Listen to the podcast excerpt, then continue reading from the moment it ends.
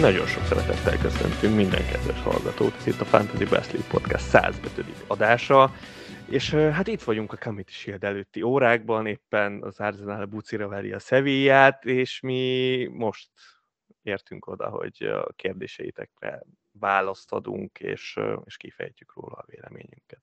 Sziasztok!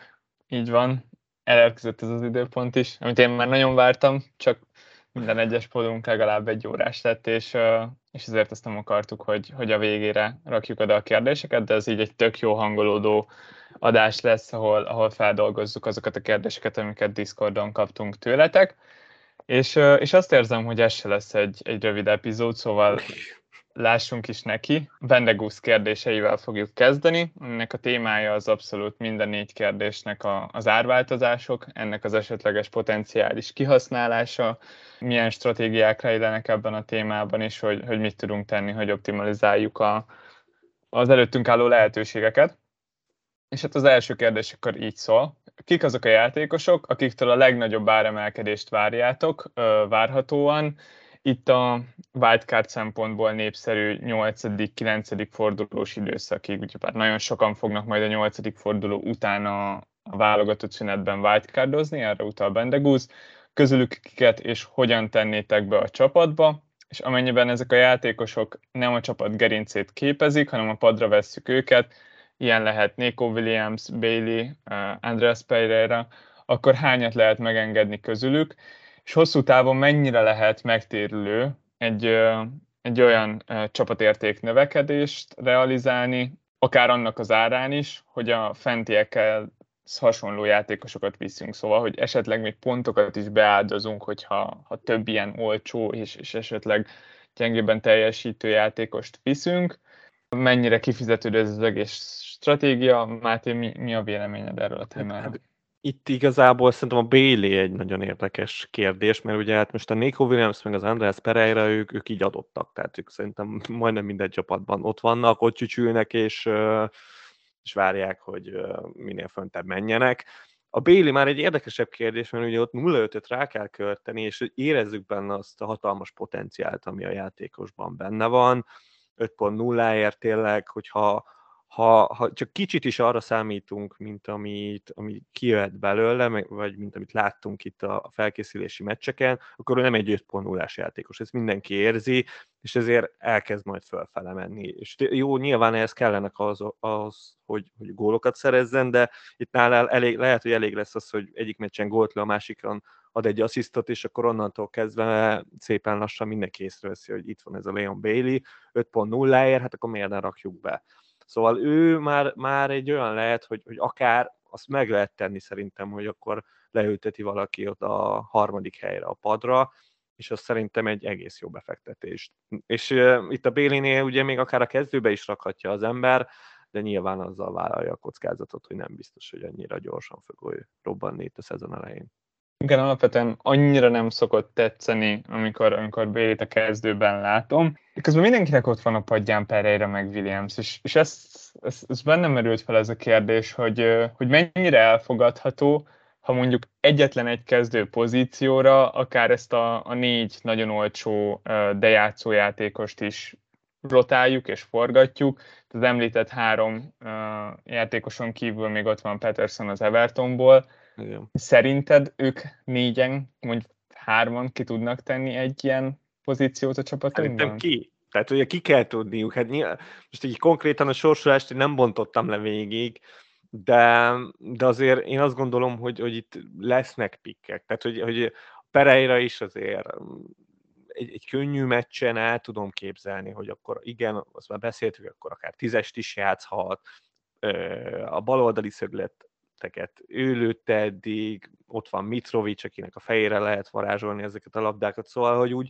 úgy látom magamban ezeket a, az érveket, hogyha adott esetben a Bailey éppen a Manchester City-vel játszik, akkor fogom a Pereirát, és akkor berakom a helyére, és, és akkor ez, ezzel kirakhatsz a három játékosból gyakorlatilag egyet. Igen, érdekes, tényleg érdekes a kérdés.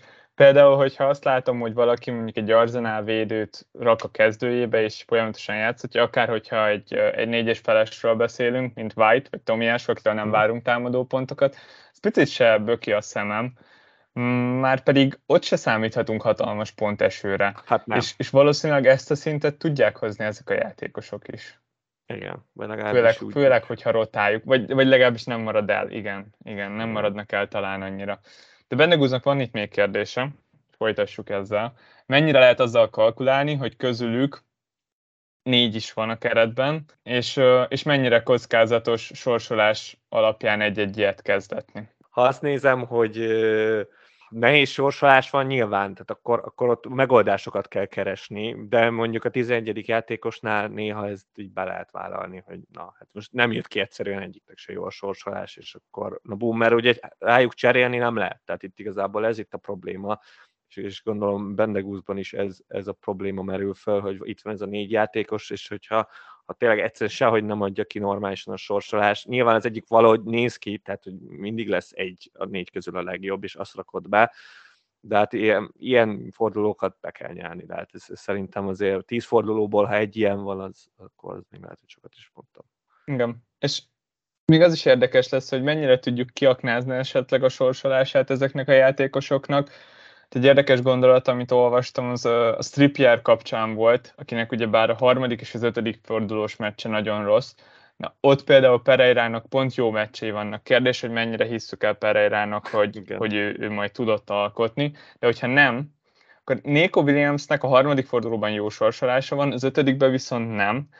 Ellenben a Petersonnak a harmadikban és az ötödikben is jó meccse van. Szóval ez is egy ilyen érdekes nézőpont, hogy, hogy vajon megéri esetleg az Evertonnak a, a 4.0-ás szárnyvédőjét választani, Nico Williams helyett, még akkor is, hogyha valószínűleg a pozíciója az neccesebb, mert, mert a szezon során hamarabb veszíti el a posztját, de közben itt segíthet nekünk itt korán, még az első wildcardunk előtt. Nem, nem könnyű kérdés, abszolút nem, nem könnyű a kérdés. Nem. Kik azok a magasabb árkategóriás kezdőbből ki nem hagyható játékosok, akiknek alacsony kezdeti uh, ownership-ére lehet számítani, vagy csak alul vannak árazva, és jó teljesítmény mellett a 8-9. fordulóig sokat nőhetnek.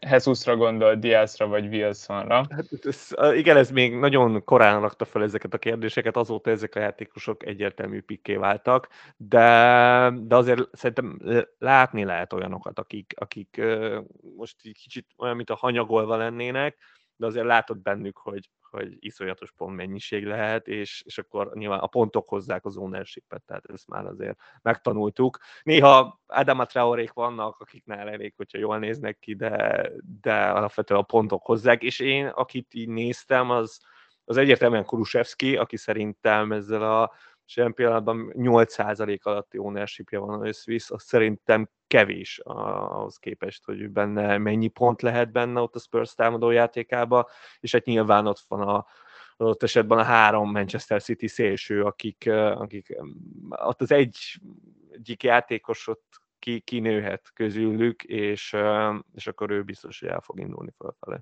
Igen, szerintem is. Alapvetően én, én nagyon nem is szoktam gondolkozni. Ezt tárgyaltuk már a, a szezonzáró podcast során is, de nekem nagy tanulsága volt az előző szezonnak, hogy, hogy a pontok után jönnek a, az árnövekedések, és, és éppen elég nehéz megtalálni a pontokat. Szerintem, szerintem nem érdemes feltétlenül így ennyire rámenni arra, hogy hol tudunk pénzt keresni, mert akkor lehet, hogy, hogy a fontosabb célról veszítjük el a figyelmünket, és, és pont ezért én inkább azt javaslom, hogy ilyen másodlagos gondolatként esetleg ott lehet a, fejünkben, de, de alapvetően azért a, a pontok legyenek az első számú dolgok, ami alapján választjuk ezeket a játékosokat, és utána minden rendben lesz. Igen, igen. És itt még láttam, hogy még a Bendegúznak egy ilyen, kit így nagyon kinézett, az pedig a Rashford, aki, aki teljesen értető, hogy, hogy miért, is, miért is gondolja mindenki, hogy, hogy ő benne azért hat és félnél jóval több lehet. Kicsit nála is igen hasonlót érzek, mint a Bailey-nél, de cserébe azért a Rashfordot jobb, sokkal jobban elviseli a kezdő 11, mint a Bailey.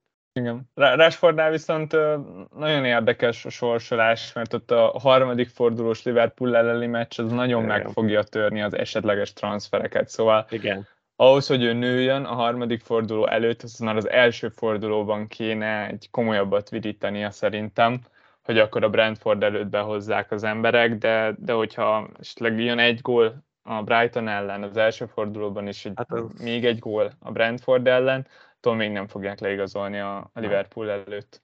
Na és hát régi barátunk Little Tease is jó sok kérdéssel érkezett, és hát ez több témakörre bontotta ezeket, gyakorlatilag csatárok, középpályások, védők és kapusokra, és hát nyilván a csatároknál itt főleg, főleg az, az érdekli őt, hogy a nagy sztárigazolásokban bízon inkább, vagy bízhat esetleg a most újonnan érkező, nagyon olcsó csatárokban, vagy a, vagy a régi nevekben, mint itt a Kén, Zsota, Ronaldo.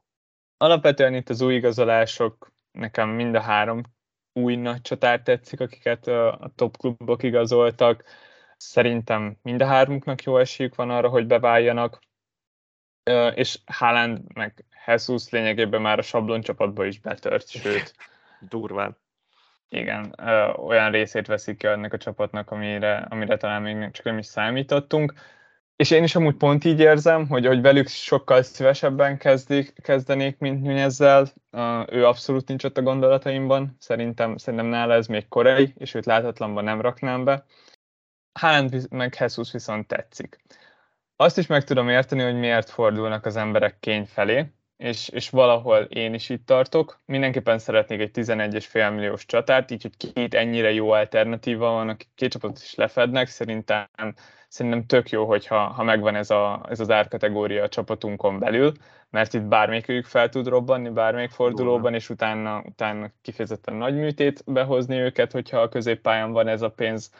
És én is így gondolkozok, hogy, hogy Kén egy bizonyított játékos, akit már nagyon sokat láttunk a PL-ben. És mondom ezt úgy, hogy nagyon-nagyon hiszek Haalandban, és nagyon bízok benne.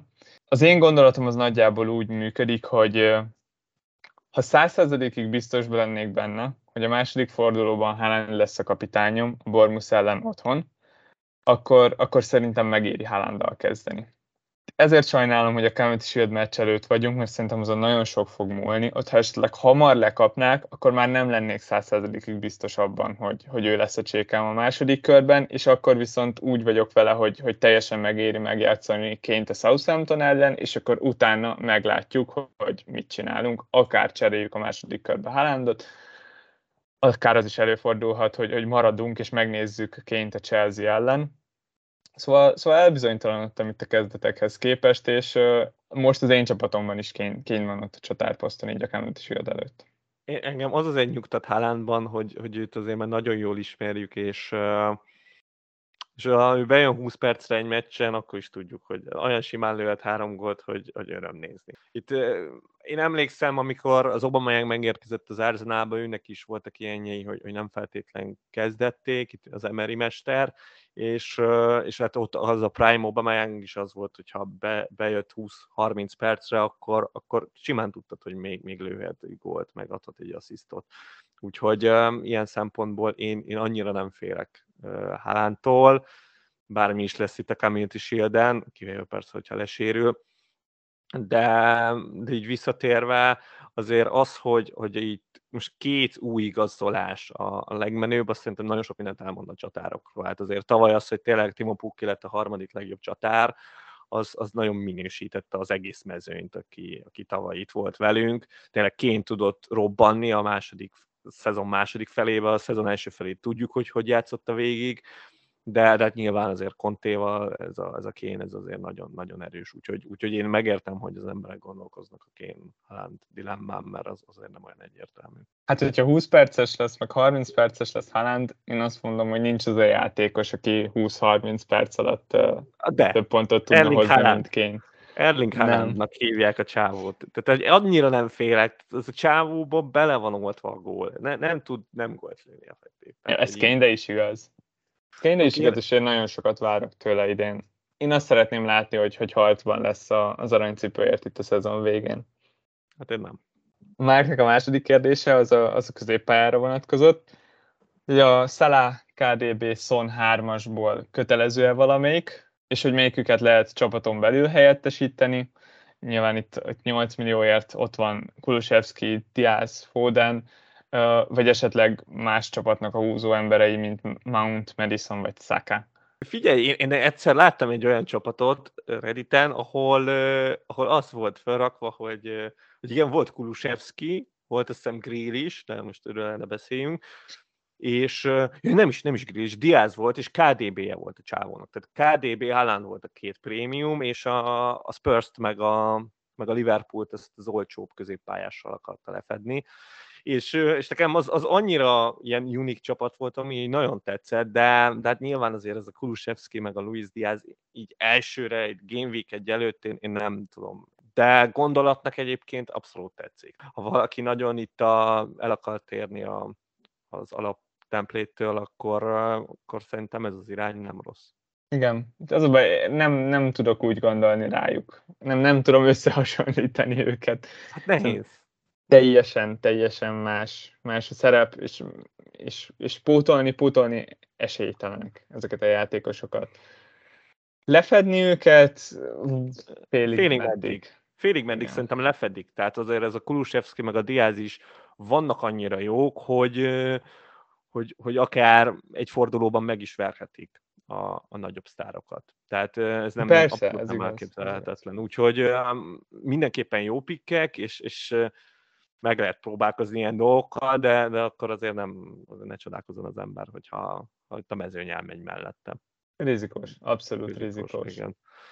És hát nyilván itt a védők kapcsán őnála is ez a rengeteg szélső védő, aki, akit most ugye nyilván a Robertson, Cancelo, James Chilwell, de, de nyilván azért az összeset nem tudja berakni, bár hát azért voltak ilyen csapatok is, de hogy igazából azzal érdeklődik, hogy, hogy érdemesen megsporolni náluk, és akkor középhátvédeket berakni. De hát itt a válasz szerintem, mint tudjuk. Igen, most, most abszolút nem látom a, a potenciált abban, hogy, hogy esetleg itt, itt spóroljunk. Nehéz. Igazából csak azt látom, hogy azok a csapatoknak van szüksége erre a spórolásra, ahol három prémiummal akarnak játszani. Mert hogyha ha az ember kettőnél többet nem szeretne be, beszuzakolni a csapatába, akkor, akkor kényelmesen megvan az a két prémium még, még jó pár szárnyvédővel, szélsővédővel, és ezekből az igazán drága fajtából, szóval simán, simán oda lehet rakni Trentet, cancelo és James-t. De teljesen uh, simán, igen. Szála meg egy 11 és feles csatár mögé. Azt meg nem gondolnám, hogy, hogy, hogy megéri, megéri még egy prémiumért feláldozni ezeket a játékosokat, és szerintem itt esetleg érdemes lehet beszélgetnünk egy picit a, a három prémiumos rendszerről, hogy, hogy vajon akkor megéri-e, nem éri-e meg, lesz legyen egy prémiumunk, te most hányadán vagy itt a dolgoknak? A prémium játékosoknál, hát szerintem a kettő. A kettő az, az így mindent visz nálam. Nagyon próbálkozik az ember a hárommal, de nem adja ki normálisan a rendszer. Egyszerűen így érzed, hogy, hogy így, így, így folytja a csapatodat az a harmadik prémium ember, és, és nem tudsz egyszerűen vele mit csinálni. Az egy prémium meg, meg az meg egyszerűen nem tudsz annyi pénzt elkölteni jól, hogy, hogy megéri az egy prémium. Szóval az egy prémium azt szerintem az, az, az nem is téma kérdése. A három lehet, de, de még nem láttam azt a csapatot, amire azt mondtam, hogy na, most ez úgy össze van rakva, hogy 10 per 10. Igen, az a helyzet, hogy, hogy az első egy-két lépésben még, még teljesen oda is tudok állni, mert például azt látom, hogy valaki nem bízik mondjuk Luis Diazban, mert, mert szerinte túl messziről szokott lőni, nem kerül elég nagy helyzetekbe, Érthető, és, és akkor azt mondja, hogy ez feláldozható azért, hogy, hogy legyen még egy prémiuma, akkor még mindig ott van, hogy amúgy egy olyan 3,5-4 millió hiány van ahhoz, hogy, hogy bejöjjön az új prémium, szóval még bőven fel kell áldozni a jó pár posztot, egyszerűen három-négy játékos sehogy sem jön ki a matek nálam, mert, mert nem szokott ott lenni egy, egy három prémiumos csapatban Cancelo vagy Robertson. Trentet általában oda szokták rakni, de csak gondoljunk abba, hogy, hogy Cancelo meg Robertson simán tud annyi pontot hozni egy szezon alatt, mint Kane. Most, hogyha Kane elszabadul idén, akkor, akkor valószínűleg egy 30-40 ponttal többet tud hozni majd ezeknél a védőknél.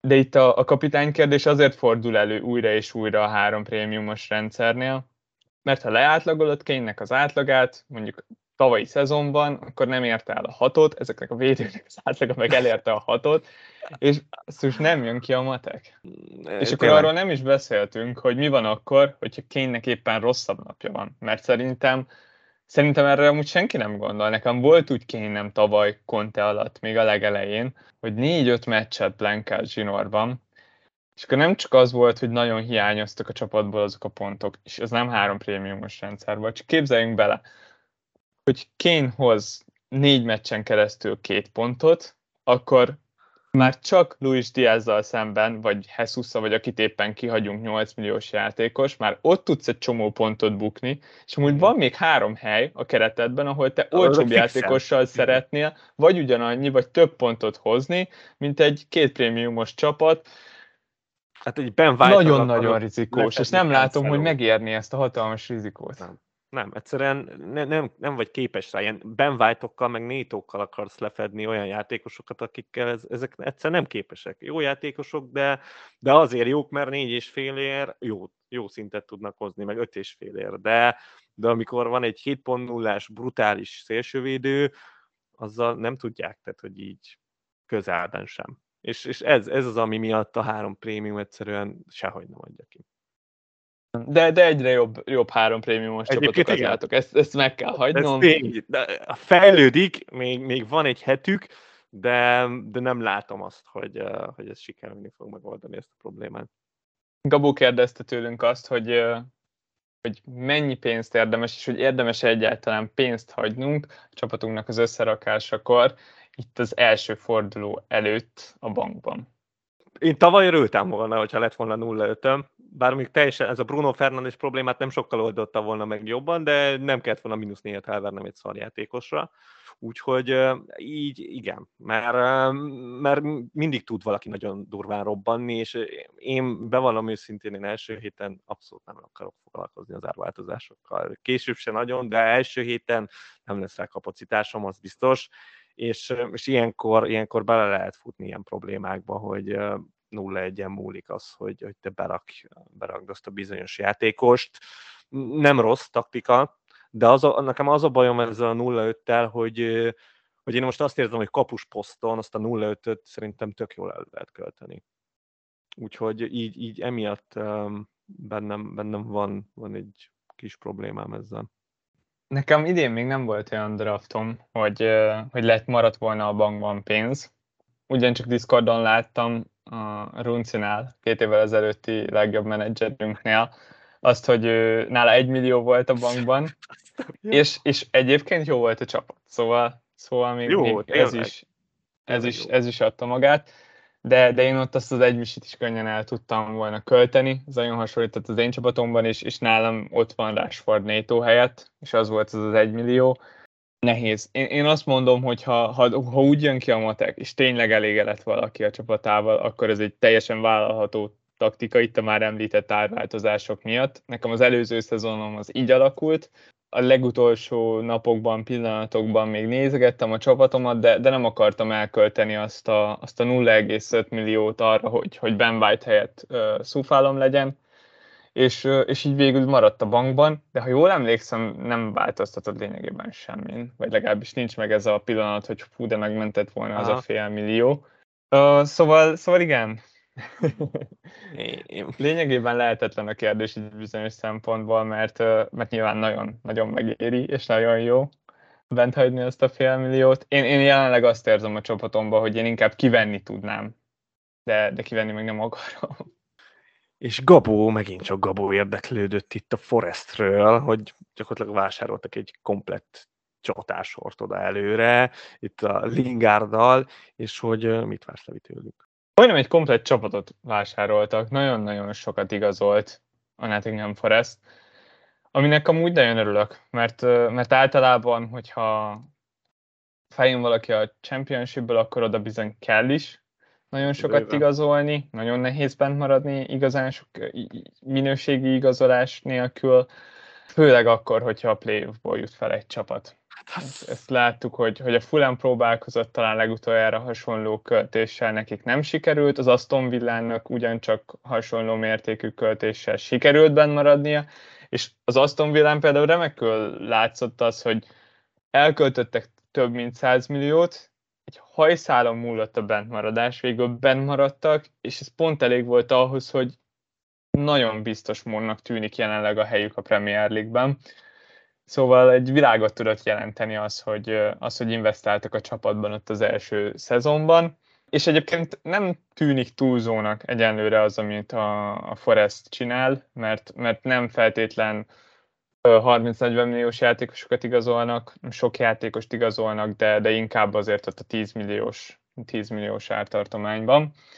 Nagyon-nagyon várom a, a Forestnek az első meccsét, nagyon borzasztóan kíváncsi vagyok, hogy mit tudnak, azért, mert rengeteg jót ol, olvastam és hallottam róluk. Steve Cooperről szintén, ezt nem is tudom, hogy elmondtam az előző podban, ezt mindig elmondom, de hogy ő, ő VB-t nyert az angol utánpótlás válogatottal, azt hiszem az U17-esekkel, Szóval egy nagyon ígéretes edzőről van szó, aki, aki évközben vette át a Forest csapatát tavaly, és, és onnantól kezdve, hogy ő átvette a csapatot lényegében, hogyha ezt így kivetítjük az egész szezonra, akkor ők bajnokok lettek volna. Szóval tényleg nagyon nagy változást sikerült elérnie. A nagy probléma az az, hogy sok játékosát veszítette el a Forest, részben ezért is igazolnak sokat, kölcsönjátékosokról van szó főként, de, de ez a keret, ez, ez határozottan erősebbnek tűnik, mint ami, ami tavaly volt náluk, és ez lesz a kérdés, hogy hogyan tudja összeéleszteni ezt a sok új elemet. Jól néz ki, jól néz ki. Én, én, én, én főleg egyébként védekezésben féltem őket, annak ellenére, hogy három védővel játszanak, de szerintem elől megoldják, tehát hogy ott, ott olyan profilok vannak, meg, meg ígéretes játékosok, tehát ott az, első hármas, az, azt még azt is mondanám, hogy az, az, az egyértelműen Premier League szintnek tűnik, de ott hátul nem értem azokat a neveket, akiket úgy, úgy ismernénk, tudnánk, azért ott szokott kell lenni a PR rutin, és, és itt ezeknek, ezeknek az arcoknak nincsen meg, de aztán lehet, hogy itt egy ilyen új mi Tarkovsky kerül ki, csak eddig nem ismertük őket, úgyhogy tényleg én, én nagyon szurkolok nekik. Igen, itt, itt bízok abban, hogy, hogy egy jó edző, az, az sokszor ilyenkor többet is ki tud hozni ezekből a játékosokból, és, és lehet, hogy ez a védelemben pont meg fog látszani. Én legalábbis remélem. És még volt a Gabónak, hogy egy másik kieső csapatról, hogy ki lesz a Fulham kezdőkapusa. Én még mindig Lénót mondanám, bár az a dél most így hirtelen elhalkult, de hát nagyon akarják. És érthető módon. Igen, igen, ők azért ott, ott kicsit lyukasak, az a Rodák, meg a Gazanyigá, nem, nem biztos, hogy neki vágnék ezzel a Premier League-nek, ezzel a kapuspárossal. Lampard kérdezte tőlünk, hogy, hogy Zincsenkót vagy White-ot válassza. Hát most igen, éppen egy nagyon durva ártalán mészárlás közben után vagyunk, szóval um, lehet róluk beszélni. Uh, fú, mit is mondjak Zincsenkóval kapcsolatban? Nem tudom, tehát uh, én most nagyon úgy tűnik, hogy mind a kettő szélsővédőként kezdi az Arsenalban ezt a, ezt a szezont. White jobb oldalt, Zinchenko bal oldalt. Talán az Arsenal az egyetlen top csapat, ahol azt érzem, hogy a, a szélső védő az, az nem ér annyit, mint, mint bármelyik másik top csapatban. Egész egyszerűen nem, nem használja ki. Tehát, hogy, hogy a Tirni is tavaly, jó, nem játszott sokat, de hogy úgy, úgy egyszerűen nem, nem volt egy pár meccsig veszélyes volt, aztán ahogy Martinelli bekerült a csapatba egyértelműen, onnantól kezdve ő neki a támadó játéka az, az nagyon durván leredukálódott, és, és se Zincsenkót, se white nem gondolom akkor a Spillernek, hogy így megoldják ilyen kevés támadó szereppel a, a támadó returnöket. Szóval, ha őszintén meg kell mondani, én, én egyiknek sem vagyok feltétlen híve. Furcsálom egyébként, hogy mennyire népszerű Pik Zincsenko.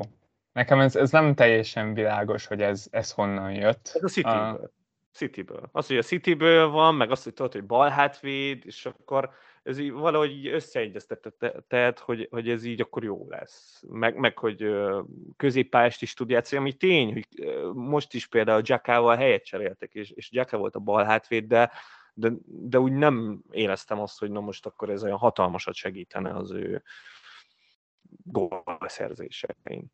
Tudod, hány gólja van Zincsenkónak a Premier League-ben? Hát most megfogtál, mert fogalmam nincs. De úgy, úgy nem rémlik, hogy úgy, úgy nagyon lett volna. De nem, mert még nincsen ezek... neki. Még nincsen Premier League gólja.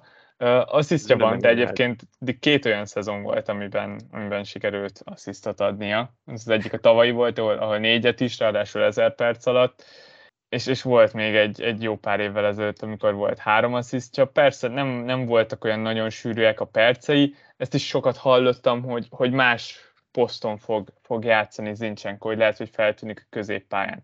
Ezt tudjuk, hogy, hogy az ukrán válogatottban ott, ott főként védekező középpályásként, vagy legalábbis közép, középpályásként szokott játszani, ha jól mondom, Szélső, Igen. szerintem azt kizárhatjuk, hogy bal szélső lesz az Arzenálban. Ja, az esélytelen persze, hát ott, ott és, bőven megvan az Arzenál. És itt nem látom ezt a hatalmas lehetőséget abban, hogy Zincsenko majd középső középpályás lesz az Arzenál csapatában, mert itt nem érzem azt, hogy, hogy hirtelen van egy védőnk, aki, aki akkora támadó lett. Most megint csak nem. egy érdekes kérdés, meg egy találós kérdés, hogy, hogy szerinted kiszerzett több támadó pontot tavaly Gabriel, vagy Párti és Csaka együtt? Hát nyilván Gabriel, tehát hogy ez persze ez teljesen egyértelmű, tehát hogy ez az, tehát nagyjából én Jackával hasonlítanám össze, és Jacka nyilván ő se egy nagyon nagy támadó, de, de valahogy még a Jackában is azért több ritem. Tehát, hogyha Jacka lenne ott a Zicsenko helyén, mondjuk ő védő lenne, 5 pont nullás védő, az úgy jobban elkapna. Szóval azért Jackánál azok a bombák azért bebeakadnak néha. Zincsenkónál ezt se érzem. Tehát, hogy, hogy így nem, nem tudok tényleg semmi érvet mondani, hogy, hogy ő most miért lőne gólokat. Ödegárt küzd azzal, hogy gólokat lőne ebbe az Arzenálban, úgyhogy ő azért sokkal támadóbb szerepköre van, és, és, és tényleg sokkal jobb helyzetben van. De, de még őnek is jönnek úgy a gólok, mint a, mint a szélsőknek, meg, meg a nyilván a Hesusnak.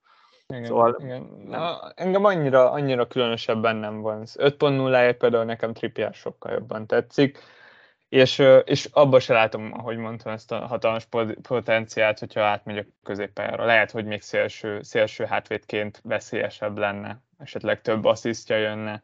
Esetleg.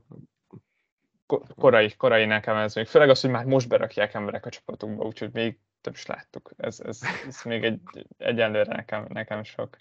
Szóval valószínűleg én White-ot raknám be kettőjük közül.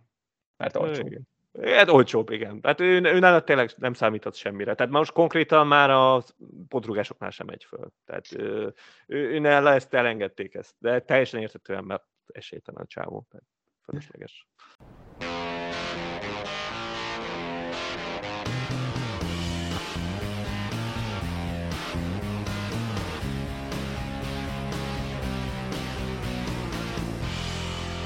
Na és a Donetnak van egy érdekes kérdése, mint azt megszokhattuk tőle, és itt arról érdeklődik, hogy a, ha nem konkrét játékosokban gondolkodunk, hanem pozíciónként megosztott keretösszegben mennyit költenénk? Kapusokra, védőkre, középpályásokra, csatárokra összesen, külön pozíciókra. Nekem nincs egy ilyen, ilyen konkrét, konkrét sablonom vagy mintám, ami, ami nagyban meghatározná azt, hogy, hogy hogyan osztom el a pénzemet egész egyszerűen szerintem ez nyilván ez, ez mindig, mindig változik, és mindig picit talán nekünk is alkalmazkodnunk kell ahhoz, hogy, hogy mit, mit dob a játék. Pont úgy, ahogy, ahogy idén, a tavalyi szezonból megtanulva, kicsit áthozva, nem véletlen néz ki úgy a sablon csapat, hogy, hogy Trent, Cancelo és James. Megnéztem a, a tavalyi Game Week 1-es csapatomat, ott, ott három közül nyilván csak Trent volt ott akkor, Show volt a második legdrágább védőm, 5,5-ért, és a, a harmadik védő pozícióra már két négyes feles játékost rotáltam. És, és ez, ez teljesen felfordult ahhoz képest. Ami viszont meghatározza a gondolataimat, az a, az, az egyik bónuszkérdés, amit feltett Donát, hogy, hogy hogy érdemes kialakítani az árkategóriákat pozíción belül, hogy rugalmasabb legyen a csapat a későbbiekben, és mennyire fontos ez, hogyha korai wildcardot akar majd játszani az ember. Itt, ami, amire gondoltam egyből ebből a kérdésből, az például az, hogy, hogy most idén nekem nagyon fontos volt az, hogy legyen egy 8.0-ás középpályásom. Az kötelező, így van. És, és, és egyébként még a kettővel még kellemesebb helyzetben vagy, mert mert mondjuk azt veszed, hogy Luis Diaz nagyon bejön, és lehet ebben hinni, és akkor onnantól kezdve még ott bőven vannak ott, még akár a Madison is, de nyilván Saka, Mann, Kulusevski, és ezek közül hát szerintem nem mondok hatalmasat, hogyha még egy fog robbanni. Mindenképpen azt mondanám, hogy itt a pozíciókat meg kell nézni, úgy, ahogy a védőket megnézi az ember, hogy, hogy gyakorlatilag három prémium védőt, tehát ilyen majd tudom 6.0-ás védőd mm, kell lennie, mert, mert túl sok az opció ahhoz, hogy, hogy, hogy ott, ott lehet ugorni. Meg nyilván alapból ezek a védők is bőven jók. Ugyanígy mondom, hogy igen, a 8.0-ás középpályások, úgy, ahogy mondtad, a szaláként, szóval ezek így szerintem nagyon, nagyon rögzített árak. Igen, igen, és, és ezt valamennyire diktálja a játék azáltal, hogy mennyi alternatívát nyújt nekünk valakinek. Ugyanezért vagyok most jelenleg egészen messze Mártiától, aki, aki jobban tetszik, mint Rashford, és csak 0,5 van köztük, de, de tudom, hogy ha, ha el akarnám adni, akkor utána nem szívesen mennék egyik csatára se, még mondjuk itt a, a második forduló után. Ahhoz, hogy az olcsóbb csatárok kép, képbe kerüljenek, ahhoz, ahhoz több idő kéne, de lehet, hogy addigra már bőven-bőven túl akarnék lenni Marcialon, és, és, és az ilyen, ilyen dinamikák határozzák meg inkább azt, hogy, hogy hogyan osztom el a pénzt a, a csapatomban. A másik fele volt a kérdésnek az, hogy, hogy a, a korai wildcard, vagy egyáltalán ez az egész dinamikája a fél évünknek, hogy, hogy a 16. forduló előtt lényegében van két wildcardunk, van egy most, meg van egy 16. forduló és az első forduló között. Ez pedig szerintem tök jó, és ez valamennyire meg is kell határozza a gondolatainkat, és, és ezért sem állnék amúgy itt nagyon két lábbal bele a három prémiumos, meg az egy prémiumos, meg mindenféle őrült csapatba, mert, mert lehet kísérletezni. Egyszerűen most lehet. Ez, ez tény, tény. Tehát ez, hozzám is egyébként bőven közel áll, de, de most egyszerűen nem akarom, mert, mert azért azt is hozzá kell tenni, hogy, hogy látom az árnyoldalát is ennek, hogy oké, okay, nem jön be ez a három prémiumos csapat, adott esetben Kén nem hozza úgy a pontokat, mint ahogy kell, akkor ellövöd a wildcardot a harmadik fordulóba, nem mondjuk a negyedikbe, mert még megvárod a Wolves meccset, és, és ellövöd a negyedikbe, és akkor összeraksz egy wildcard csapatot, ahol persze lement három forduló, de még azért mindig az van, hogy hát így látogatsz dolgokat, de, de ezek nem, tehát ezekből ilyen annyira nem tudsz kiindulni, és akkor összeraktál egy wildcard csapatot 13 fordulóra. Ott van az a wildcard, és nem sokáig kell kibírni vele, de azért veszélyes. Nem könnyű, az baj, hogy mi mind a ketten szeretünk inkább később wildcardozni. Tavaly szerintem nem volt öt forduló a kettőnk wildcardjai között, és mégis nagyon, nagyon nagy volt a különbség abban, hogy én, én később tudtam ellőni a, a csipet. Jobban tudott úgy elsülni. Itt Gábor kérdezte, hogy prémium csatár nélkül elindulni, és a középpályára belenyomni ezt a pénzt, és, és ugyanígy szerintem akár meg is említettük ezt az egy prémiumos draftot, ami szerintem megint egy érdekes kérdés, hogyha megnézzük a tavalyi szezon első felét, hogyha mindig száll a kapitányunk, akkor, akkor esetleg érdemesebb beáldozni még egy prémiumot, itt, itt bármelyikre nyugodtan válaszolj.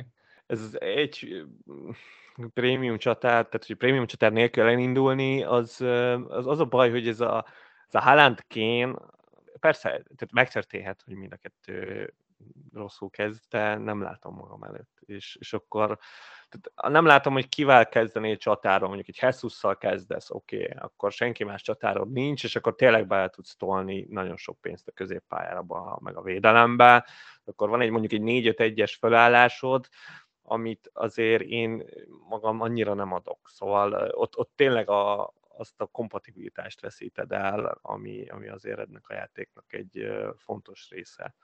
Igen, a, a két csatáros rendszer azért is tetszik, mert, mert hiszem azt, hogy, hogy lesz, lesz két, két jó csatár. És, és hogyha egy csatára megy neki az ember, most mindegy az, hogy ez éppen az egy egyedüli prémium, vagy, vagy éppen nem prémium, hogyha szeretném még egy csatárt, akkor ez nem lesz, nem lesz könnyű. Mert hogyha úgy cserélsz duplán, hogy a dupládnak az egyik fele az egy négyes feles játékos, aki végig a padodon van, szóval igazából a formációt váltasz, na az a nagy pazarlás. Mert ha még úgy cserélsz kettőt, hogy mind a kettő a játszó játékos, akkor lehet, hogy két jó játékost hozol be. De hogyha az egyik játékos, akit behozol, az a padodra jön, na az tényleg az a csere ment a, ment a levesben.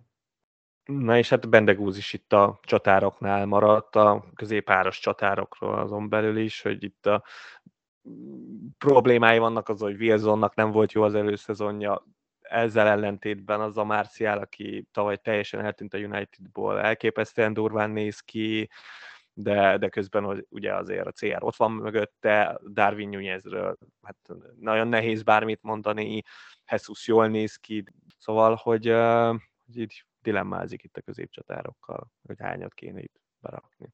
Ez egy fél, fél mondattal ezt már említettem, hogy nekem például ez nem tetszik Marciában, hogy ő, ő harmadik csatárnak érkezne, és szerintem nincs, nincs egyenlőre annyi alternatíva, aki jónak néz ki jelenleg, hogy, hogy három csatár, az, az, az vonzon engem.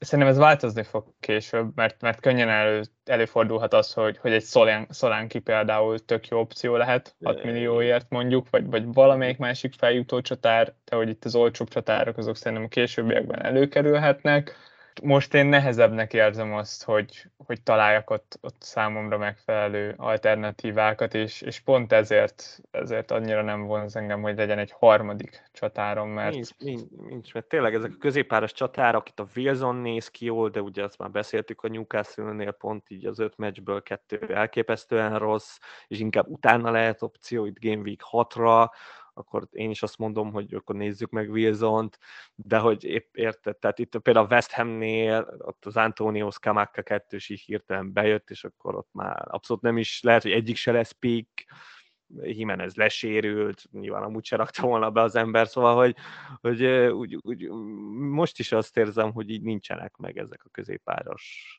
csatárok így, így Game Week egy előtt. Dolog, amire kíváncsi vagyok a véleményedre, itt uh, Jesus kapcsán, meg Marcial kapcsán lényegében, az az, hogy uh, mi a véleményed arról a taktikáról, hogy az ember két csatárnál marad, de mondjuk nem Jesusszal kezd, hanem helyette Marciállal, és két forduló múlva megnézi, hogy mi a helyzet. Mert hogy az első két meccse az Arzenálnak, ez a Crystal Palace idegenben és a Leicester otthon, ami, ami lehet, hogy nem, tűn, nem lesz annyira könnyű. Én eddig még nem találkoztam olyan Arzenál szurkolóval, aki azt mondta volna, hogy a Crystal Palace meg fogják verni idegenben. Hát, ez a múlt, a múlt, sötét múlt, az nem segít ezen, persze. Figyelj, egyébként nem gyűlölöm ezt. Akár még be is jöhet, és Márciának az első két meccse azért még mondhatjuk azt, hogy stabil, nem? Tehát Szerintem igen. Szerintem igen, és utána jönne a pool, utána jönne a pool azért is tettem fel a kérdést, mert szerintem is egészen érdekes ez a taktika, hogyha a tíz meccsre kell választanom játékost, akkor Jesus hely egyszerűen nem kérdéses a, a keretben. Nem, igen. De onnantól kezdve, hogyha már, már egy picit elkezdünk kisebben gondolkozni, az első két meccs ez tényleg nem könnyű. Tekintve, hogy háromból két csapatban ott van Jesus, az könnyen előfordulhat, hogy itt nem alkot az első két meccsen, akkor, akkor, akkor sokan megválnak tőle nyilván türelmetlen menedzserek, és, és valószínűleg Jesus közelebb áll ahhoz, hogy 7,9 legyen, mint ahhoz, hogy 8,1, akkor is, hogyha mi többre árasztuk volna be. Egyszerűen ennyi tulajdonosból Jó. nehezen látom azt, hogy, hogy felfele haladjon. Ez, ez igaz, de hát utána meg annyira baba az Arsenal sorsolása, és azért annyira nem nézhet ki rosszul. Oké, okay, nem csinál mondjuk semmit ezen a két meccsen, de, de most azért real nem tudom elképzelni, hogy egy Arsenal csatárt ne szeretnék a Bournemouth meg a Fulham ellen. Kattan az óra, és repül Martial, harmadik, harmadik fordulóba jön Jesus. Hát figyelj, nem gyűlölöm ezt. Tehát, de az a bajom ezzel, hogy akkor tényleg egy misit a bankba kell hagynod. Igen, igen, Tehát, hogy szerintem is. Itt, itt akkor most azt kell eldöntened, hogy akkor oké, okay, erre a két fordulóra, most akkor Márciál jobb, mint Jesus, és én nem Menő vagy -e, te vagy-e a fasz a gyerek, aki, aki a, bemeri én... ezt vállalni, mert úgy simán előfordulhat, hogy de, de tudod, az a bajom, Jesus átmenti ezt a formát. Már megint, hogy legalább Jesus-t érted jól nézni. Tehát ott, ott érzed azt, hogy ő, ő csinálja, teszi, érted, egy ős Guardiola focista, tényleg olyan, mint hogyha Guardiola kocsvasztotta volna össze. A Marcial... focista. Már, ez most a Gártéta foci, tehát ez ugyanaz. Most meg ott van a Marcial, aki meg, hát mindenkinek volt már csapatában, és nem buli. Tehát, hogy nem buli nézni a csávót. De kezdben, amikor De most meg... már mosolyog. Hát jó, basszeg, ez, ez, ezzel én most nem vagyok sokkal előrébb. Szóval én, én, kicsit elültetted a bogarat a szembe, mert mert, mert nyilván Arsenalosként nekem is zavar ez az első két meccs, két ilyen mumus csapat ellen, de, de azért ez a Brighton Brentford se győzött meg a Unitednél. Tehát, mm. hogy az nem az, hogy érted. Ha ez egyik a Fulham lenne, akkor azt mondom, hogy let's go, csináljuk. De azért a Brighton nem fogja szarrá verni az a United, azt már most megmondom. Igen, meg minél több ilyen betervezett csere van az ember fejébe, annál nagyobb. Annál neccesebb az egész. Igen, én is így, hogy gondolkozok azon, hogyha kénen kezdek, akkor például már biztos nem fogok Márciállal is kezdeni mellette, mert, mert lehet, hogy utána nagyon fogom akarni Hálándot is, meg jesus is, és 80 csapat van, a, aki, aki meg már alapvetően velük kezdett. és ezért az is előny, hogyha utána nekem kell belemennem másoknak a Game Week egyes csapatába, az lesz a célom, hogy utalérjem őket, akkor ott lesz két forduló előny, meg két csere előny náluk, Igen. szóval nem, nem könnyű, de, de hogyha valaki esetleg ha nagyon rosszul van a Sabron csapattól, akkor, akkor ez esetleg egy jó taktika. Ez, ez, ez nem rossz, ez, ez még tetszik is egyébként. Bár, bár akkor már Callum Wilsonnal is mehetsz, érted? Tehát most a Wilson, ja, szerintem a Wilson igen. jobb a Nottingham igen. Forest Brighton, mint a, mint a, nem tudom, de közben meg ez se, ebbe se vagyok biztos, mert most a Newcastle-t itt szopkodjuk, de egyébként nem, nem tudom mire. De igen, igen, akár, akár Wilson is akar próbálni. Igen. Azért egy Ten Hag első meccs otthon, igen, remélem, igen. hogy jó lesz. Igen. Bár nem, ért, nem érzem azt a Ronaldo faktort, mint tavaly ilyenkor, de Jöhet, a United drukkerek érzik a Ronaldo faktor, de szerintem menjünk tovább. Dave kérdezte azt, hogy, hogy mennyire lehet probléma három csapatból is triplázni a kezdéshez. Itt gondol ő a City-re, a Poolra és az Arzanára, top csapatok jó sorsolással, de visszaüthet-e ez a túl nagy kitettség? Hát igen, a három legjobb sorsolással rendelkező top csapat. És azért szerintem azt azért megbeszélhetjük, hogy, hogy az, hogy a Cityből meg a poolból triplázol, azt, azt nem érezzük olyan hatalmas problémának, mert valahol mindenkinek ez a célja. Nekem ez lett volna az első mondatom, hogy, hogy a poolból én, én négy játékost is beraknék, hogyha lehetne. Na ez az. Tehát nélkül. Robertson azért ott ketyegne. Biztos, hogy ott lenne a csapatomban, hogyha lehetne. Száz százalék. De most egy City-nél is ez a Walker story szerintem egyre megnyugtatóbb. Tehát 5.0-ért nem tudom, hogy, hogy, hogy miért, miért lesz kéne, ő is. Miért kéne kiadni, akkor Haaland, Cancelo, akkor szerintem ott megbeszéltük, akkor itt a két csapat az igen, tehát az teljesen egyértelműen megvan. És hát az Arsenalból is, tehát hogy, hogy ott van a Jesus, aki megint csak eléggé sablon, és már milliót beszéltünk róla, hogy miért, és akkor ott van még az ott esetben, ha, ha tényleg már nagyon spórolni akarsz, a Ben White négy félér még, még mindig a kategóriájának az egyik legjobbja, a Marciali 6, vagy Mar- Martinelli, Marcial, Isten, a Martinelli 6.0-ért megint csak, ha, ha ezt így külön bontod, akkor, akkor értem, hogy, hogy miért teszi föl Dave ezt a kérdést, meg nyilván kicsit fura az, hogy gyakorlatilag három csapatnak a meccsét várod, és te végez a fordulóra. Szóval e, igen, ez kiüthet. Tehát főleg itt az Arsenalnál érzem azt, hogy, hogy igen, most ez nagyon jól néz ki, de, de igen, az azért az, az első két meccs, ott, ott, ott nagyon izgulunk. Úgyhogy én lehet, hogy az Arsenal sokat megpróbálnám leredukálni, annak ellenére, hogy tényleg nincs, nincs 6.0-ért nagyon a Martinelli-nek alternatívája.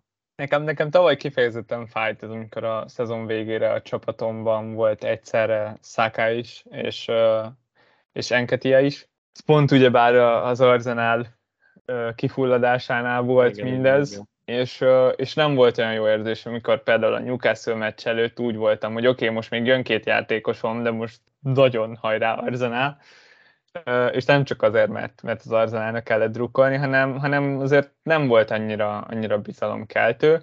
Ennek De... a másik oldalán, a serpeny a másik oldalán viszont az van, hogy, hogy Hesuson Isten igazából nem is feltétlen gondolkoztam ezen a nyáron, nagyon tetszett a csapatomban mindig, most egy, egy pár ilyen kételj előugrott így egy héttel az indulás előtt, hogy azért, azért ez, ez akár rosszul is elsülhet, de minden esetre ugye egy stabil pontja volt eddig a csapatomnak, és egyszer nem tudom nem külön nézni azt, hogy 6 milliót meg szerintem megér Martinelli. Igen. És, és innentől kezdve ez a duplázás már rendben van, az Arsenal védelmét megint tudom külön elemként nézni, mert, mert azért ilyen, egyszerűen jó a sorsolás, és a védelem is jó szerintem, hogyha mindenki Igen. egészséges.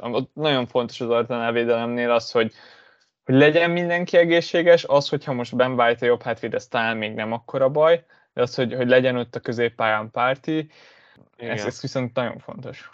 Igen, igen. Szóval szerintem nem sokat segítettünk Dave-nek, de, de, de igen, szóval el lehet menni ezzel a kilenc játékossal tök simán. Én, én nem aggódnék.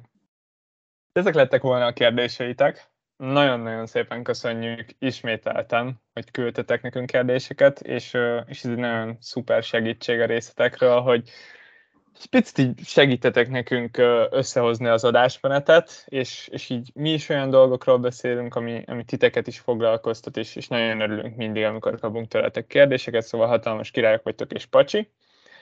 És itt a legvégére, ha már lassan itt van a, az első fordulós határidő a nyakunkon, péntek, ugyebár, akkor, akkor egy picit nézzük meg, hogy hol tartunk jelenleg a, a draftolásban, hogy állnak a csapataink, még így a Community Shield előtt, ez nagyon-nagyon fontos, mert, mert lehet, hogy borul minden itt szombat este.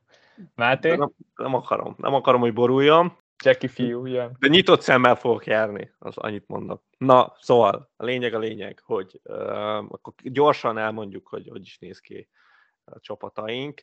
Na hát a kapuba én még a Mendit, Mendit beraktam, én nem akarok ezzel dilemmázni, hogy most ki a legjobb kapus.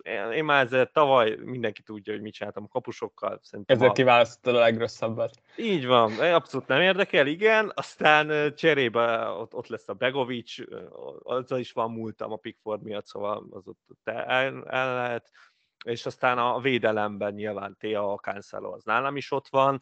Én a Chelsea védőket így kihagytam, hogy a Mendi ott van a kapuba.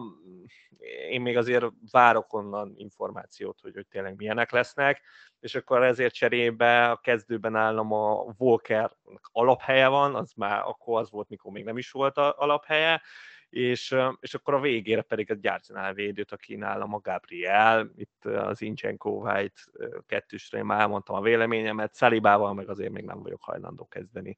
Úgyhogy, és hát nyilván Nico Williams a végére, azt szerintem teljesen egyértelmű, az a padra, középpályán Salah teljesen kiadhatatlan, Luis Diaz szerintem szintén, és akkor én nekem ez a kicsit váratlanabb a template csapathoz képest, hogy én, én még ezek mellé Kulusevskit beraktam, hogy kicsit fedezzem ezt a Spurs támadójátékot, remélem, hogy a kicsinél azért jobban fedezi majd, és így viszont a negyedik középpályásom az a Leon Bailey 5.0-ért, elmondtuk már, hogy azért az, az eléggé rizikós, necces pick, de azt érzem, hogy most a, ha egy nétom lenne, akkor nem biztos, hogy előrébb járnék. Azért még a Martinellit elgondolkozom rajta, hogy, hogy valahogy berakni ebbe a csapatba, mert az, az nyugodtabb állás lenne, és hát most idén azért arra törekszem, és nyilván Andreas Pereira megy az ötödiknek a padra, Jesus Haaland elől, és hát negy, vagy mi a harmadik csatárom az, az a Lil Taylor a Nottingham Forestből, de szerintem már róla is ejtettünk pár szót. Úgyhogy Milyen a... problémáid vannak ezzel a csapattal? Mert biztos, hogy vannak. Hát Vagy igen, szereted? Itt, itt szeretem, most, e, most ez, ez így tetszik. Itt a Bénén nagyon sok minden múlik, és azt nem szeretem, hogy egy ilyen kisfiúra ennyi terhet rakjunk, de, de tetszik. Egyszerűen e, elkapott, elkapott a srác, nyilván ilyenkor mindig olyan információkat próbálsz begyűjteni, amik alapján azt mondatja veled, hogy ő egy kezdő szélső lesz az Aston Villában, és én, én, én, én kezdetném. Szóval, hogy, hogy nekem a Buendia, meg Coutinho, nekem ilyen játékosok nem kellenének, és remélem, hogy Gerard is ugyanígy van ezzel, és, és Bélit kezdeti, de nyilván ott van a rizikófaktor. Hát legrosszabb esetben is csere, nem tudom, látom benne azért a return tehát szögletlövő is, nagyon jó ballába van, 5.0 tényleg a srác, és, és azt érzem, hogy, hogy itt lehet egy kicsit fogni a, a templéten. És a Martinelli-nek az, az, az első két meccse az nekem nem nagyon tetszik, igazából az volt az a pont, amikor elgondolkoztam rajta, hogy na akkor ezt hogy lehetne átalakítani ezt a csapatot. Rashfordon volt Kulusevski helyén, és, és akkor még volt egy, egy Chelsea szélsővédő, a Gabriel helyett, nagyjából így hoztam azt össze, hogy végül lett egy Kulusevski, és ezt így, ezt a hármast én jobbnak érzem, mint a, mint a korábbiakat. Úgyhogy nagyjából a többi az szerintem alap, tehát ők, ők nem hiszem, hogy nagyon-nagyon változni fognak itt a hátralévő időben. Ez a hármas az, akit, akit még úgy különösen figyelni fogsz igen, péntekig, igen. És, és rajtuk, rajtuk gondolkozol igazán. Igen, igen, igen. De, de ezt a Spurs fedezést, ezt én, én olyan fontos dolognak tartom, ami, ami szerintem jobban kell fedeznem a, a, a Spurs támadójátékot, mint a, mint a Chelsea szélsővédőket így az elején. Akkor te nem gondolkozol azon, hogy esetleg Haalanddal kezd meg a szezont? Uh, Kane-nel, bocsi. kéne kezdjem. Hát nem. Tehát én, én, én a Haalandban bízok annyira. Aztán, hogyha tényleg, ha nem kezdek a Community shield mondjuk ez a forgatókönyv még nem jutott ez a szembe, akkor lehet, hogy én is megijedek. De ne, ezt a forgatókönyvet nem látom magam. Igen, most még ilyen pillangó hatásszerűen szerintem még lehet nem érdemes belemennünk, hogy lesz a Community Shield után. De, na mindegy. A lényeg a lényeg, hogy mindent elmondtunk már a Community Shieldről, úgyhogy még nem is kezdődött el. Szóval, um, szóval igen. Úgyhogy nagyjából, nagyjából ennyi. Na Levi, nálad hogy néz ki? Hasonló, hasonló a csapat, abszolút, és meglepő módon egyébként egész nyáron egész, egész uh, hasonló utakat jártunk be. Igen. És, uh, és nem sokban különbözött a csapatunk, és most sem különbözik sokban. Az én csapatom szintén 4-4-2-ben áll fel. Nekem egy olcsóbb kapus van jelenleg a védelmemben. Most Melié van ott, de Ryan is nagyon gondolkozok, és, és alapvetően vonzanak ezek a 4.5-ös kapusok, akikről már sokat beszéltünk az előző adásban, de, de nagyon félek is tőlük. Szóval az a nagy problémám, hogy, hogy el tudom képzelni, hogy nem hoz clean Melié, és amúgy azt is megértem, hogyha valaki itt már azt mondja magában, hogy akkor minek gondolkozok rajta. Szerintem ez egy jogos kritika. De basszus közben meg ú, azt is érzem, Spórolni hogy, hogy, Spórolni hogy egy clean talán nem lenne olyan nehéz megfogni, és hogyha már tudnám, hogy egy clean hoznak, akkor én már elégedett lennék velük. Szóval mellé van a kapuban, és akkor mögé jelenleg nem Klaasson van, aki a Leedsnek a második számú hálőre legjobb tudomásom szerint, hanem most, most egy palászkapusom van. What? Most Miért? húztam egy váratlant. Remi ez, a legváratlanabb. Vágod, amikor öt kapusa van körülbelül a Crystal Palace-nak, négy és fél ér, és Igen. te berakad a 4.0-ásat. Igen, berakom a 4.0-ásat, aki eligazolt azóta. És ő, ő, ő már nincsen benne a játékban, ha minden igen. igaz. Ergo, ő biztosan nem fog csökkenni árban.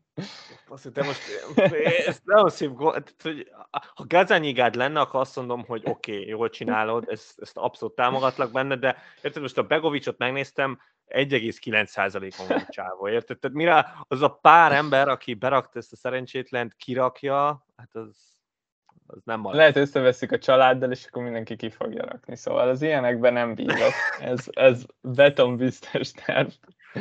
Uh, szóval két ilyen kapus után már csak képzeljétek el a csapatom többi részét. Ez elég uh, indulunk, igen. Sablonvédelem az, az nagyon ott van a szeren, nálam is. Trent, Cancelo és, és James is. Jamesben tér el a, a mi csapatunk. Azért okay. én, én bízok abban, hogy a, a szárny, szárnyvédőként a, a James összehozza ezeket a támadó pontokat, amiket tavaly sikerült néhányszor összehoznia. És megint csak egyszer sikerülne megfogni egy, egy 10 pontos fordulót, vagy egy legalább 10 pontos fordulót, akkor az már nagyon király lenne. Walker a negyedik védő, aki, aki még játszik, és, és benne nagyon bízok. Az egyetlen probléma az az, hogy hogyha Walkerrel kezdek, akkor, akkor nem nagyon tudok majd behozni City középpályást, mert, mert meg lesz a három City sem, és, és ez az egyik legjobb dolog is Walkerben, mert így nem tudok majd behozni City Igen, pályát. neked ez most kell. Szóval én most azt érzem, én hogy, hogy érzem, ez a fertőzés, ez valahogy rólam átment rád, és nem értem, hogy ez miért. Tehát, hogy én úgy tudtam, hogy te eddig immunis vagy, én meg, én meg így szlopálom befele. Tavaly de... szerintem a szezon három negyedében ott volt Foden a csapatomban. Jó, hát igen. Csak most más, más a fertőzés neve, igen, igen. igen. Most Grélissel szemezik az ember. De ez súlyosan, ez, ez Kezdeni halálos, fog ma a Community és szörnyű lesz. Ez halálos kor. Tehát, hogy ez, ez, így nem. Az utolsó védőm az pedig, az pedig Williams. És akkor a középpályán Salah Luis Diaz van, a kettő olcsóbb középpályásom az pedig Rashford és Martinelli, Martinelli helye az, amit biztosabbnak érzem. Így, így a szezon kezdetére, így, hogy Smith Roma például a Sevilla ellen még a padon se volt, így, így tudom, hogy legalább egy két-három meccse lesz kezdőként. Megnéztem a tavalyi szezonját, még a legutolsó adásunk után, és, és az is amúgy nagyon, nagyon bizakodásra adott okot, mert 21 meccsen kezdett, ami alapvetően nem hangzik olyan soknak, de még a szezon legelején kihagyott Juniorban vagy 5 vagy 6 meccset, úgyhogy ott volt a padon, de be se állt. Ott, ott ha ennyire már nem néztem utána, de gondolom ott valami sérülés, ez közre játszhatott. És hogyha ha úgy nézem ezt a 21 meccset, hogy, hogy ez lényegében 28-ból kezdett 21-szer utána, nagyon-nagyon stabil kezdő volt. Nem, nem sokat hagyott ki. Nem. Tényleg nem sokat hagyott ki. Nem hagyott ki annyit, mint amennyire szerintem a legtöbben emlékszünk. Igen. És, és akkor most ehhez még itt az előszezon meg, meg Smithról hozzájön, és, és így 6 millióért szívesen, szívesen vásárolom be magam ebbe az Arzenál támadósorba, és akkor Andrés Pereira az utolsó középpályásom. Elő 11 és feles csatár, aki, aki jelenleg Haaland, de, de ott, ott ez, ez abszolút vonz, hogy kane kezdjek, nyilván Community Shield. És akkor Jesus, és, és Archer az utolsó játékosom. És tetszik ez a keret. A három játékoson gondolkozok úgy igazán, az, az a Rashford, Walker és a kapusom.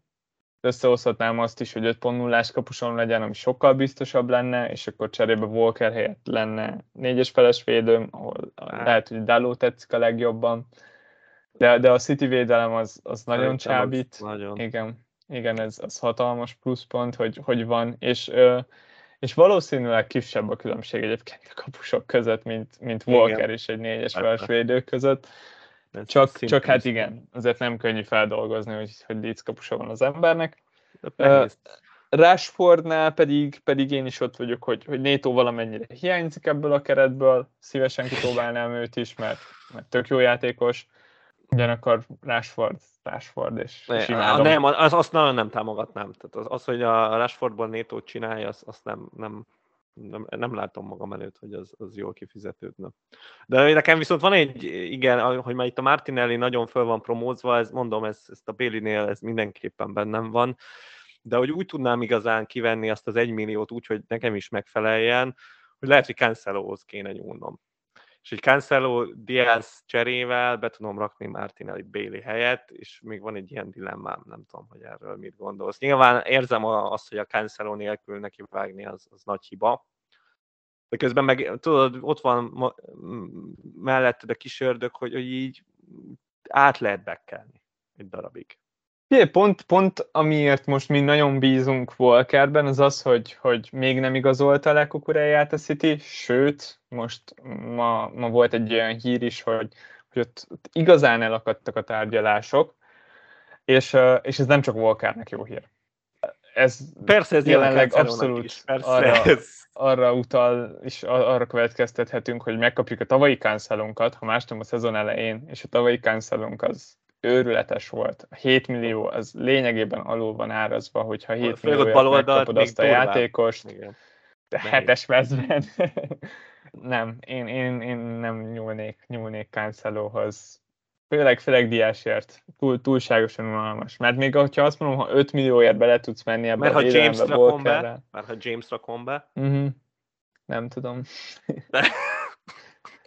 Pont, pont Jamesért lehet, hogy nem adnám fel egyébként, mert, mert a biztos játékosok közt a csapatomban azért James a bizonytalanabbak közé igen, tartozik. Igen, igen. Gondolkoztam azon itt az elmúlt napokban, hogy, hogy Trippiert játszatom helyette, mert ő az, aki, aki nagyon-nagyon hiányzik ebből a 11/15-ből, de az baj, ott meg azt az egy milliót nem tudnám elkölteni telibe, ezt a felszabaduló egy milliót. Egy fél millió jól jönne, de nehéz. Hát ezek nehéz dolgok, igen. Máté, hogyha már itt tartunk, ki lesz a kapitányod az első fordulóban? Úristen, nem is gondoltam, hogy ez a kérdés. Te jó ég. Hát nyilván most... Pedig már itt tartunk. Kezdődik már itt tartunk. Úr, tényleg. Hát uh, Mo Salah van rajta körülbelül július 1 óta, szóval ez nem változik uh, valószínűleg a Community Shield után, előtt sem. Nekem uh, Richarlisonon van rajta június elsője óta, vagy legalábbis július, vagy tudom már mikor indult el a játék. Még nem mentettem el egy draftot sem. De ezt miért csinálod? Én nem értem az ilyen embereket. Szóval, hogy mi, miért? Elmondod? Hogy mi, mi van e mögött? Szerem, draftoltam már, szóval már foglalkoztam a csapatommal, de, de szeretem úgy nullára felépíteni őket, mindig berakosgatom kis trendet, kis kánszerot előre. Nem tudom, ez, ez már abszolút csak az én az én kattom, de, de Richarlison amúgy stabilan viseli a karszalagot, és nem törik meg alatta. de száz százalék, hogy Mo Salah lesz a, a kapitányom az első fordulóban, hogyha ha bevethető lesz. Ez már öt éves stabil. Ez... ez szerintem nem nagyon kell változtatni. Igen, ez nem most dölt Ez nem, ez, ez már nagyon régen. Ahogy megláttuk, hogy Fulem... Hát pont neked kéne mondani, hogy minden széria megszakad egyszer. Hát én szoktam ilyeneket mondani, de, de most nem. Mert azt így lehet érezni, hogy így kicsit rezeg már, ez, ez most nem rezeg. Gyakorlatilag az egyik legrosszabb csapat ellenkezőleg. Na hát szépen lassan elkezdődik ez a hosszú hadjárat, és uh, hát mindenkit nagyon várunk Discordra, lelátó már, már most izzik, aztán mi lesz még a kezdésre, úgyhogy uh, tényleg mindenkit várunk Discordra, aztán sok szerencsét az első fordulóra. Sziasztok! Hajrá, srácok! Sziasztok!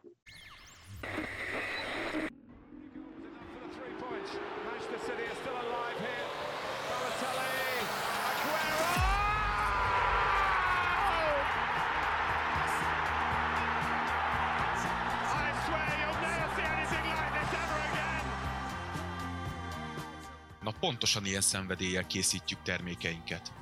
További részletekért csekkold a footballcraze.store webáruházat. Footballcraze. Fanatikusoktól fanatikusoknak.